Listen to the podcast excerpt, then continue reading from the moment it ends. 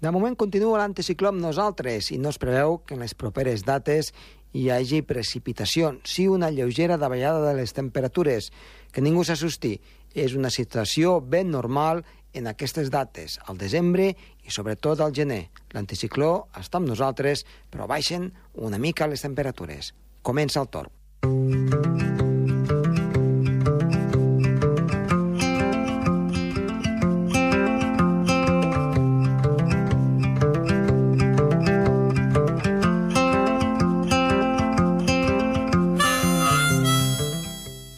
Avui parlarem precisament amb Gerard Tauler dels anticiclons i com ens influeixen i quin temps podem tenir quan hi ha anticicló, perquè no només és sol i a les zones fondes del continent boira, sinó que el temps amb un anticicló pot ser molt més variable del que ens pensem. I també parlarem amb el nostre company amic en Pere Moliner de com els directors de les pel·lícules de Hollywood fan malifetes amb el canvi climàtic i amb previsions meteorològiques, com ho manipulen i com donen entreveure un temps o un clima que moltes vegades dista molt diferent del que és veritat. Vinga, som-hi!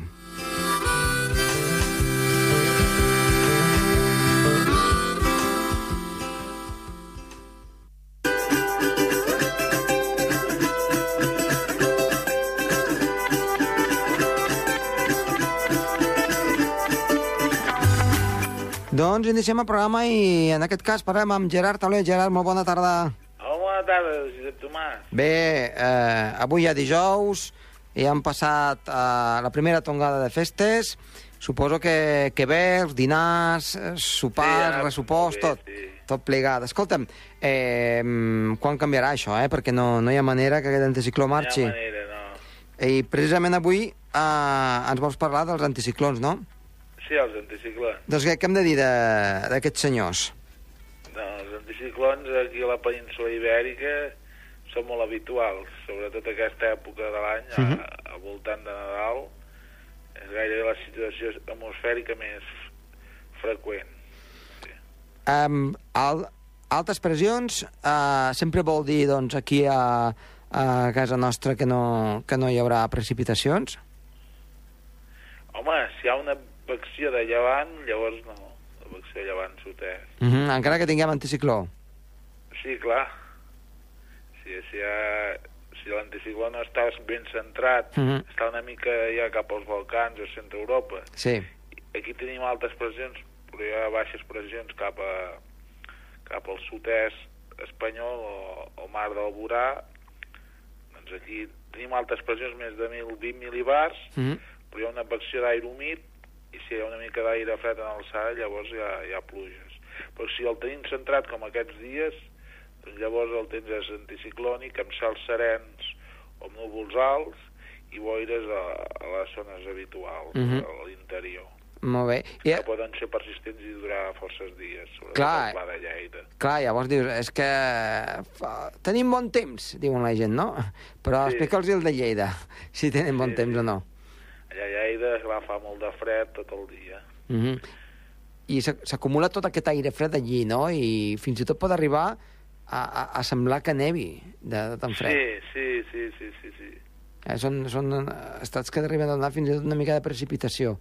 una plica de precipitació, de, de fet, eh, aquest mes de desembre hi ha hagut diversos dies de, de, de precipitació oculta a Salt i uh Mhm. -huh. Sarrià de Ter, sí, sí, Girona. Sí, sí, de, de, de les rosades i les gebrades, sí, sí. Per tant, sembla que no hi hagi precipitació, però sí. La, les humitats són molt altes a, Uh -huh. durant gairebé tot el dia. Només al migdia baixen del 60%, però al mig, a la nit a- als afores de Girona la humitat vol, vol del 100%, sí, sí, però no es forma boira, curiosament. Uh -huh. No sé per quin mecanisme físic, però no, no es forma boira aquí a la ciutat de Girona, almenys aquest desembre no se n'han vist. Uh -huh. O només se n'ha vist algun dia, només.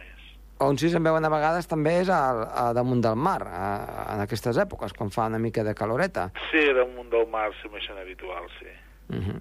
Per tant, aquests anticiclons sembla que han de durar força i... Força, sí. I clar, però um, aquests anticiclons és, són els mateixos que tenim, per exemple, cap a la zona de Rússia? Eh, perquè, clar, són altes No, pressions allà igualment. són anticiclons tèrmics, aquí són anticiclons dinàmics que, que són en tots els nivells, no? des de superfície fins a, a la troposfera elevada. Allà hi ha depressions a nivells alts Sí. i en superfície, com com estan en llocs continentals molt allunyats del mar i amb el d'aire fred, tot l'aire fred s'acumula contra terra, fa augmentar la, la densitat de l'aire i augmenta la pressió i ha anticiclons, són anticiclons tèrmics. Uh -huh. La pressió en aquests llocs és la més elevada de tot el planeta, pot arribar a 1.080 mil·libasos 1.080? déu nhi el, el, el rècord no sé quin deu ser, Ah. Si Agat a Sibèria en Saga 1083, sí. Déu-n'hi-do, déu nhi déu I, I aquí, a prop de casa nostra, el Pirineu i zones properes... Aquí en Saga 1045 o cosa semblant. Clar, ja és semblant. una passada, eh, 1045. Sí, sí, sí, sí, és una bestiesa. És una bestiesa, clar, parlem de 1080. Sembla com si no poguessis aixecar del llit, eh, gairebé, del pes de l'aire. Déu-n'hi-do. Déu-n'hi-do, déu nhi déu doncs... A l'estiu també hi ha altes pressions a, eh, a, a nivells alts, però com fa tanta calor doncs la, la pressió baixa a prop de superfície, la densitat és més baixa, sí? l'aire puja i, i les pressions són properes a les normals, a, a, amb anticicló a l'estiu, a, nivells alts, i, i en canvi en superfície ha pantà aromètric, hi ha pressions properes a les normals, mm -hmm. una mica més superiors. Mm -hmm. Per tant, és, és que, i a vegades fins i tot es formen aquestes baixes tèrmiques, no? Que, que... Sí, eh, formen baixes tèrmiques al sud-oest de la península o al centre de la península, sí, mm -hmm. sí, perquè fa temperatures màximes superiors als 40 graus, sí, sí. Mm -hmm. Per tant, és curiós que parlaríem en un lloc de d'altes tèrmiques i en un altre doncs, de, de baixes tèrmiques, tot pel mateix sí, sí, fenomen, sí, sí, no? Sí. És curiós. En la mateixa situació, sí, sí, en nivells alts, sí. Per tant, eh, quan parlem d'anticiclón, mai hem de parlar de que és avorrit i que... No, eh, no, no, sempre hi ha... El seu què, per buscar-ho, eh? El seu què, sí, sí. Molt bé, escolta'm, doncs que de tinguis... bona entrada d'any. Igualment, igualment, que tinguis un, un bon inici d'any. Igualment, també tu. Adéu-siau. Adéu-siau.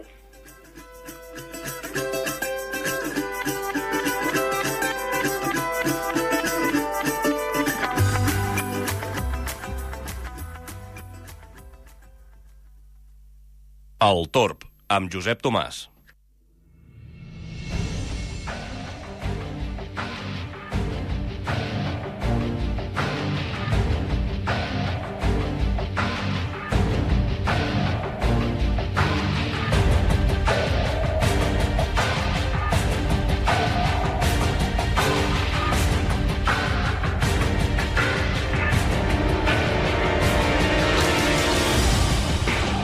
A l'entrevista d'avui tenim un company de feina, en Pere Moliner, que ha estat altres vegades aquí al programa Tor parlant doncs, de com la meteorologia ha influït, per exemple, en la història, en les guerres mundials, però avui també doncs, li hem demanat el favor de que estigui aquí als, als estudis, en el programa Tor, per parlar també de meteorologia, de ciència-ficció eh, de tot el que està doncs, barrejat de com ho tracten tots aquests temes en el que és el cinema, per exemple, en el món del cinema.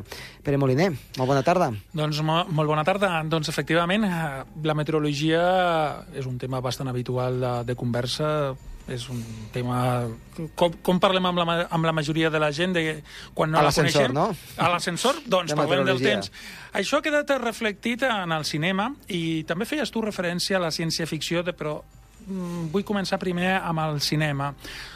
Mm, hi ha algunes pel·lícules, com per exemple la que fa honor al, al teu programa, Caçadors de Torps, que mm -hmm. és mhm. una pel·lícula nord-americana, evidentment el títol original és anglès, el meu nivell d'anglès no és molt, molt alt, o sigui, no facis dir-ho en original en anglès, en què explica en què explica les vivències, evidentment molt novel·lades, de diferents... d'una una especialitat molt curiosa, que són les, les persones que van a endinsar-se en els huracans per fer medicions i que fins i tot eh, tenen, com, a, com els amants dels esports de risc, un sentiment d'adrenalina però la meteorologia també ha influït molt, eh, també és l'element central de, moltíssima, de, moltíssimes pel·lícules, però sempre en un, en, una, en un paper secundari. Estem parlant de les típiques pel·lícules, per exemple, de, de romans, eh, uh mhm. -huh. en les quals eh, de sobte eh, parles, per exemple, Espartac, eh, dic, parla l'exemple típic, Espartac està a punt de ser derrotat pels romans, però llavors hi ha unes grans pluges, estic parlant dels peplums, no de la pel·lícula dels anys 60, però l'exemple més curiós de que la meteorologia fins ara no és tractada, tractada de forma gaire seriosa en el món del cinema és eh, el que tu feies referència al principi, al cinema de ciència-ficció. Amb tu mateix hem tingut converses, eh, per exemple, sobre una pel·lícula que es va fer famosa, que era la del dia del demà. Uh -huh. eh, en la del dia de demà, que jo consideraria com una pel·lícula catastròfica, d'aquest gènere, ah, no? de catàstrofes eh, naturals... Mediambientals. Exacte. Sí, es veu precisament quina són, uh, quin és el poc paper, la poca importància que se li dona la, a la meteorologia en la societat actual i sobretot en, en, en el seu reflexe, que és el cinema. És a dir, que és una versió bastant paròdica, que, excepte en casos puntuals, no, no és important. El dia del demà, recordem-ho per als que no l'hagin vista, és un canvi climàtic que en pocs dies, res, són dues setmanes, pues, uh, bueno, el, eh, diguem que Nova York queda... Sota la neu, no? Sota la neu, en dues setmanes. És una barbaritat, eh, és una barbaritat, és una barbaritat, però eh, és interessant perquè fa que la gent va ser una de les pel·lícules que va ajudar més a difondre el canvi climàtic, versió supercatastròfica, i a més va posar de relleu de forma barruera una cosa que sí que els meteoròlegs acostumeu a dir, que és que la meteorologia és molt complexa i que encara estem en les beceroles de la meteorologia, tot i que no ho sembli. Perquè, clar, per què surt aquest canvi climàtic? Doncs hi ha una reversió, una reversió del clima precisament perquè s'està escalfant el clima i produeix l'efecte contrari. Uh -huh. Llavors, clar, la majoria de la gent, eh, la majoria de la gent que vam assistir a la pel·lícula ens vam quedar amb aquest aspecte de dir, ah, mira, veus, l'escalfament global no necessàriament significa molta més calor. És, la, eh, això és molt més complex. Evidentment, eh, l'argument principal de la pel·lícula és eh, Nova York sota la neu i que els, al final els refugiats climàtics dels Estats Units han d'anar a Mèxic per viure en mm. zona millor, que és l'acudit sí, sí. principal de la pel·lícula. Exacte. Al final és, és, és aquesta, no?, la, el, el, el punt final. El, Un altre la, la exemple de cinema catastròfic en què la meteorologia juga un paper important és 2012. Uh -huh. 2012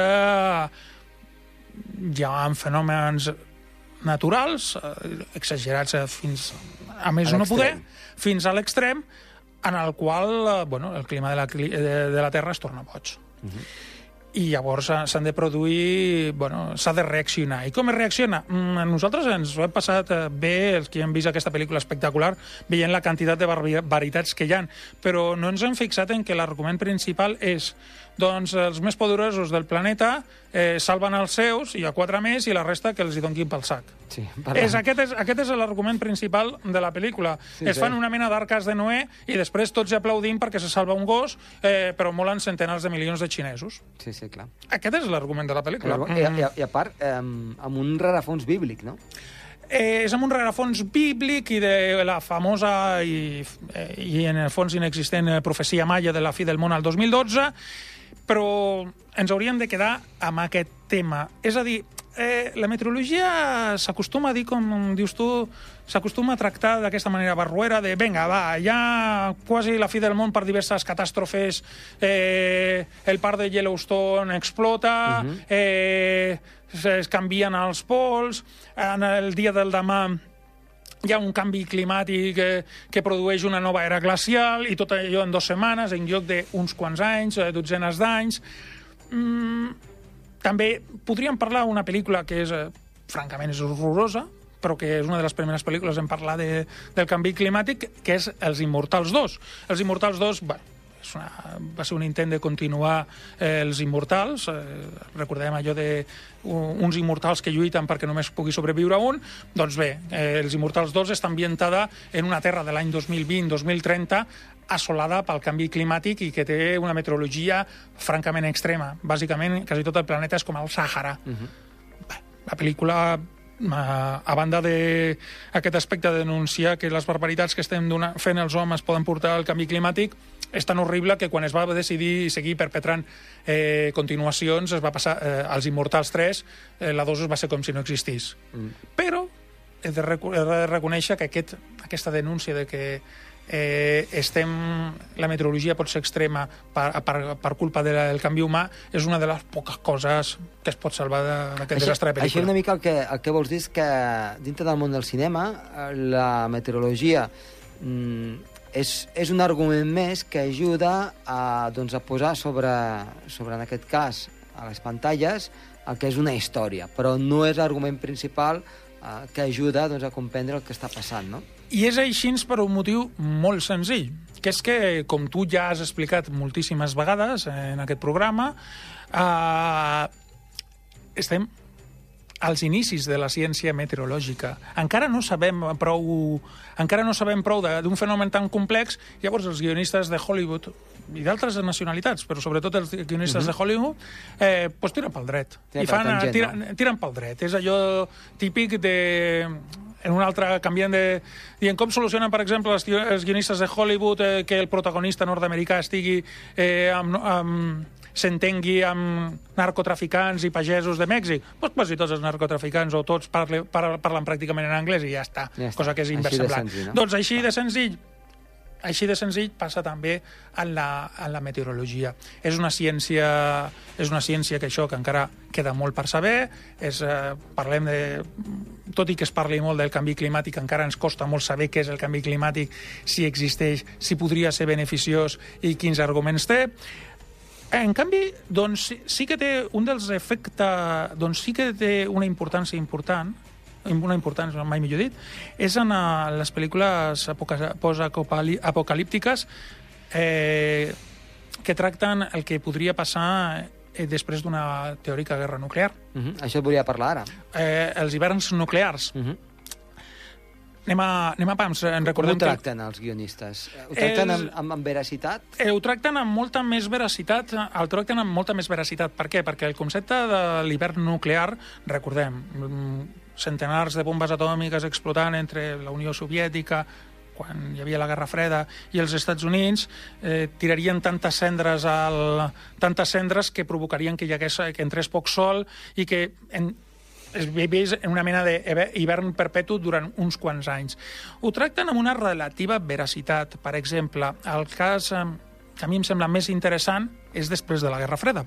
És el 2006 eh, la pel·lícula basada en la novel·la de, en una novel·la molt famosa que es diu La carretera, en la qual es veu un pare i un fill que, han sobrevi... que estan vivint en una Amèrica destrossadíssima, en la qual hi ha un hivern perpetu, nuclear, mm, quasi perpetu, i que viatgen cap al sud del país i tenen mil, mil i un problemes perquè creuen que al sud del país es trobaran en zones més càlides. I efectivament ho troben. Però veuen que no és ben bé això el que... No és que la supervivència segueix sent molt difícil. Mm -hmm. Però ho, és, això es tracta amb una relativa fidelitat. No en vegades hem de recordar que Carl Sagan, el, el científic Carl Sagan i divulgador científic, a banda, a banda de ser un dels creadors del concepte eh, hivern nuclear, també ha, ha estat assessor de, va estar, quan, est- quan estava viu, evidentment, eh, assessor de pel·lícules de Hollywood. De fet, un del seu, una de les seves novel·les eh, Contact eh, va ser guionitzada posteriorment i, i es va fer una pel·lícula interpretada per Jodie Foster. El concepte, en aquest, aquí s'interpreta bé. El que passa és que Uh, en altres pel·lícules més de la Guerra Freda, és a dir, quan no hi havia aquests coneixements, no, no se- no s'interpretava tan bé. Per exemple, bueno, jo ara em vull referir a una pel·lícula que es va fer famosa, que era El dia després, en la qual es descriu, bueno, es descriu què passaria després d'un hivern nuclear a una ciutat de Kansas. Aquesta sèrie fins i tot és més eh, en els Més dura, efectes, no? més dura i els efectes, però ja no parlem de la radiació, sinó els efectes eh, climàtics del que podria passar, és molt més dura i molt més interessant que una versió moderna que es va fer a l'any 2008-2009, una sèrie que va durar una, una sola temporada, que es deia Jericho. Jericho era un poble, una petita ciutat eh, de Kansas també, doncs bé, és molt més realista als anys 80. Uh, per què crec que en aquest cas eh, sí que s'ha interpretat d'una manera més realista, més, més correcta? Perquè tens el factor drama. Quin drama més important hi ha que l'extinció tot, total o la supervivència perfecta? Llavors, els, els factors negatius que podria ten, provocar un, un hivern nuclear mm, dramàticament donen molt. I, de fet, a part mm, de totes les amenaces de catàstrofes que, que s'han vist al cinema, mm, entrem directe al, a lo que a mi m'agrada, la, meva, la meva passió, que és la ciència-ficció. Eh, home, mm, una, que la Terra estigui destruïda per culpa dels vampirs, dels zombis, dels extraterrestres, doncs és la, bueno, la possibilitat és, és la que és. Sí, no? és, és, és la que és. Eh, però, en canvi, eh, una destrucció nuclear basada per, per, per una guerra atòmica és molt versemblant. Clar. De fet, hem de No és tan recordar- remota, no? no, ara, ara potser és més remota perquè la Unió Soviètica eh, es va autodestruir i en principi, des dels anys 90, no hi ha... Vaja, diguem que no hi ha... La, la possibilitat de guerra nuclear és molt més baixa per autodestrucció d'un dels contrincants, però no és inexistent. Uh -huh. Hem de recordar que hem de recordar que el 1962 i el 1983 es van viure dos episodis que van estar a punt de provocar una guerra nuclear, però reconegut amb documents oficials. A la guerra dels míssils, a la, a la crisi dels míssils de Cuba, al 1962, va anar d'un pèl que, que no es disparessin armes nuclears, però un pèl vol dir d'un pèl. Al 1983 va haver una, una crisi d'aquestes que va anar de 7 minuts que no es disparessin, eh, crisi, eh, no es disparessin els míssils nuclears. I això també té a veure amb els pocs coneixements que tenim de la meteorologia, de, de, de, dels nostres fenòmens naturals. Què és el que va passar? Doncs és molt senzill. A una base de míssils al 1983, que és l'exemple clar de, és l'exemple clar de lo poc que coneixíem al 1983 i ara potser una mica més. En una base de míssils eh, soviètiques es va veure una mena de formació que era la de míssils nuclears. Era idèntica. Llavors no es podien enviar cases per raons eh, tècniques i ja, doncs clar, era evident de que si deien de que era així, ja que estava preparada la contraofensiva. Però el, el comandant responsable soviètic va aturar-ho i va decidir fer una comprovació i va dir, bueno, la conversa es veu que va ser dient, bueno, si Novosibirsk, que era la ciutat on teòricament havien d'acostar-se els míssils, on anaven en direcció, eh, el fenomen aquest estrany mm, és destruït amb mala sort. Encara tindrem més capacitat. I va resultar que era una, una bandada d'ocells. Uh -huh. Imagina't. Eh, el cinema, per tant, difícilment pot reflectir coses que nosaltres encara no coneixem massa, perquè és, eh, bueno, és, el que tu, és el que tu dius tantes vegades de que la meteorologia encara està en les beceroles i que jo he repetit al principi de la sèrie. Ah, intervenció.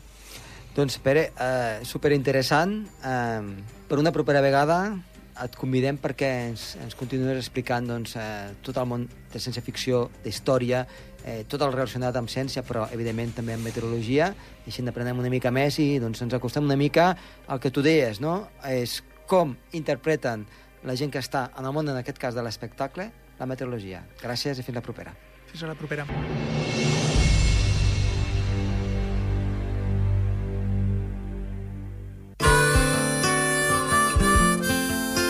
El Torb, amb Josep Tomàs.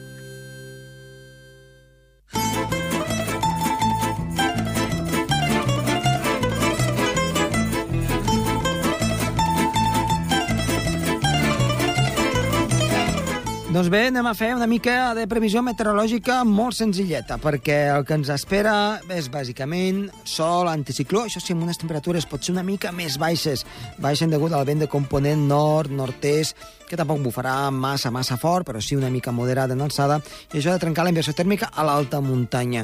A partir de diumenge, altra vegada comencen les temperatures a recuperar-se una mica, però especialment dilluns. Per tant, de moment, a curt i mig termini no veiem canvis. Pot ser cap al final de les festes de Nadal sí que hi haurà algun altre canvi, però encara queda lluny. De moment, la situació pel cap de setmana, de tranquil·litat i, com diem, amb temperatures una mica més baixes.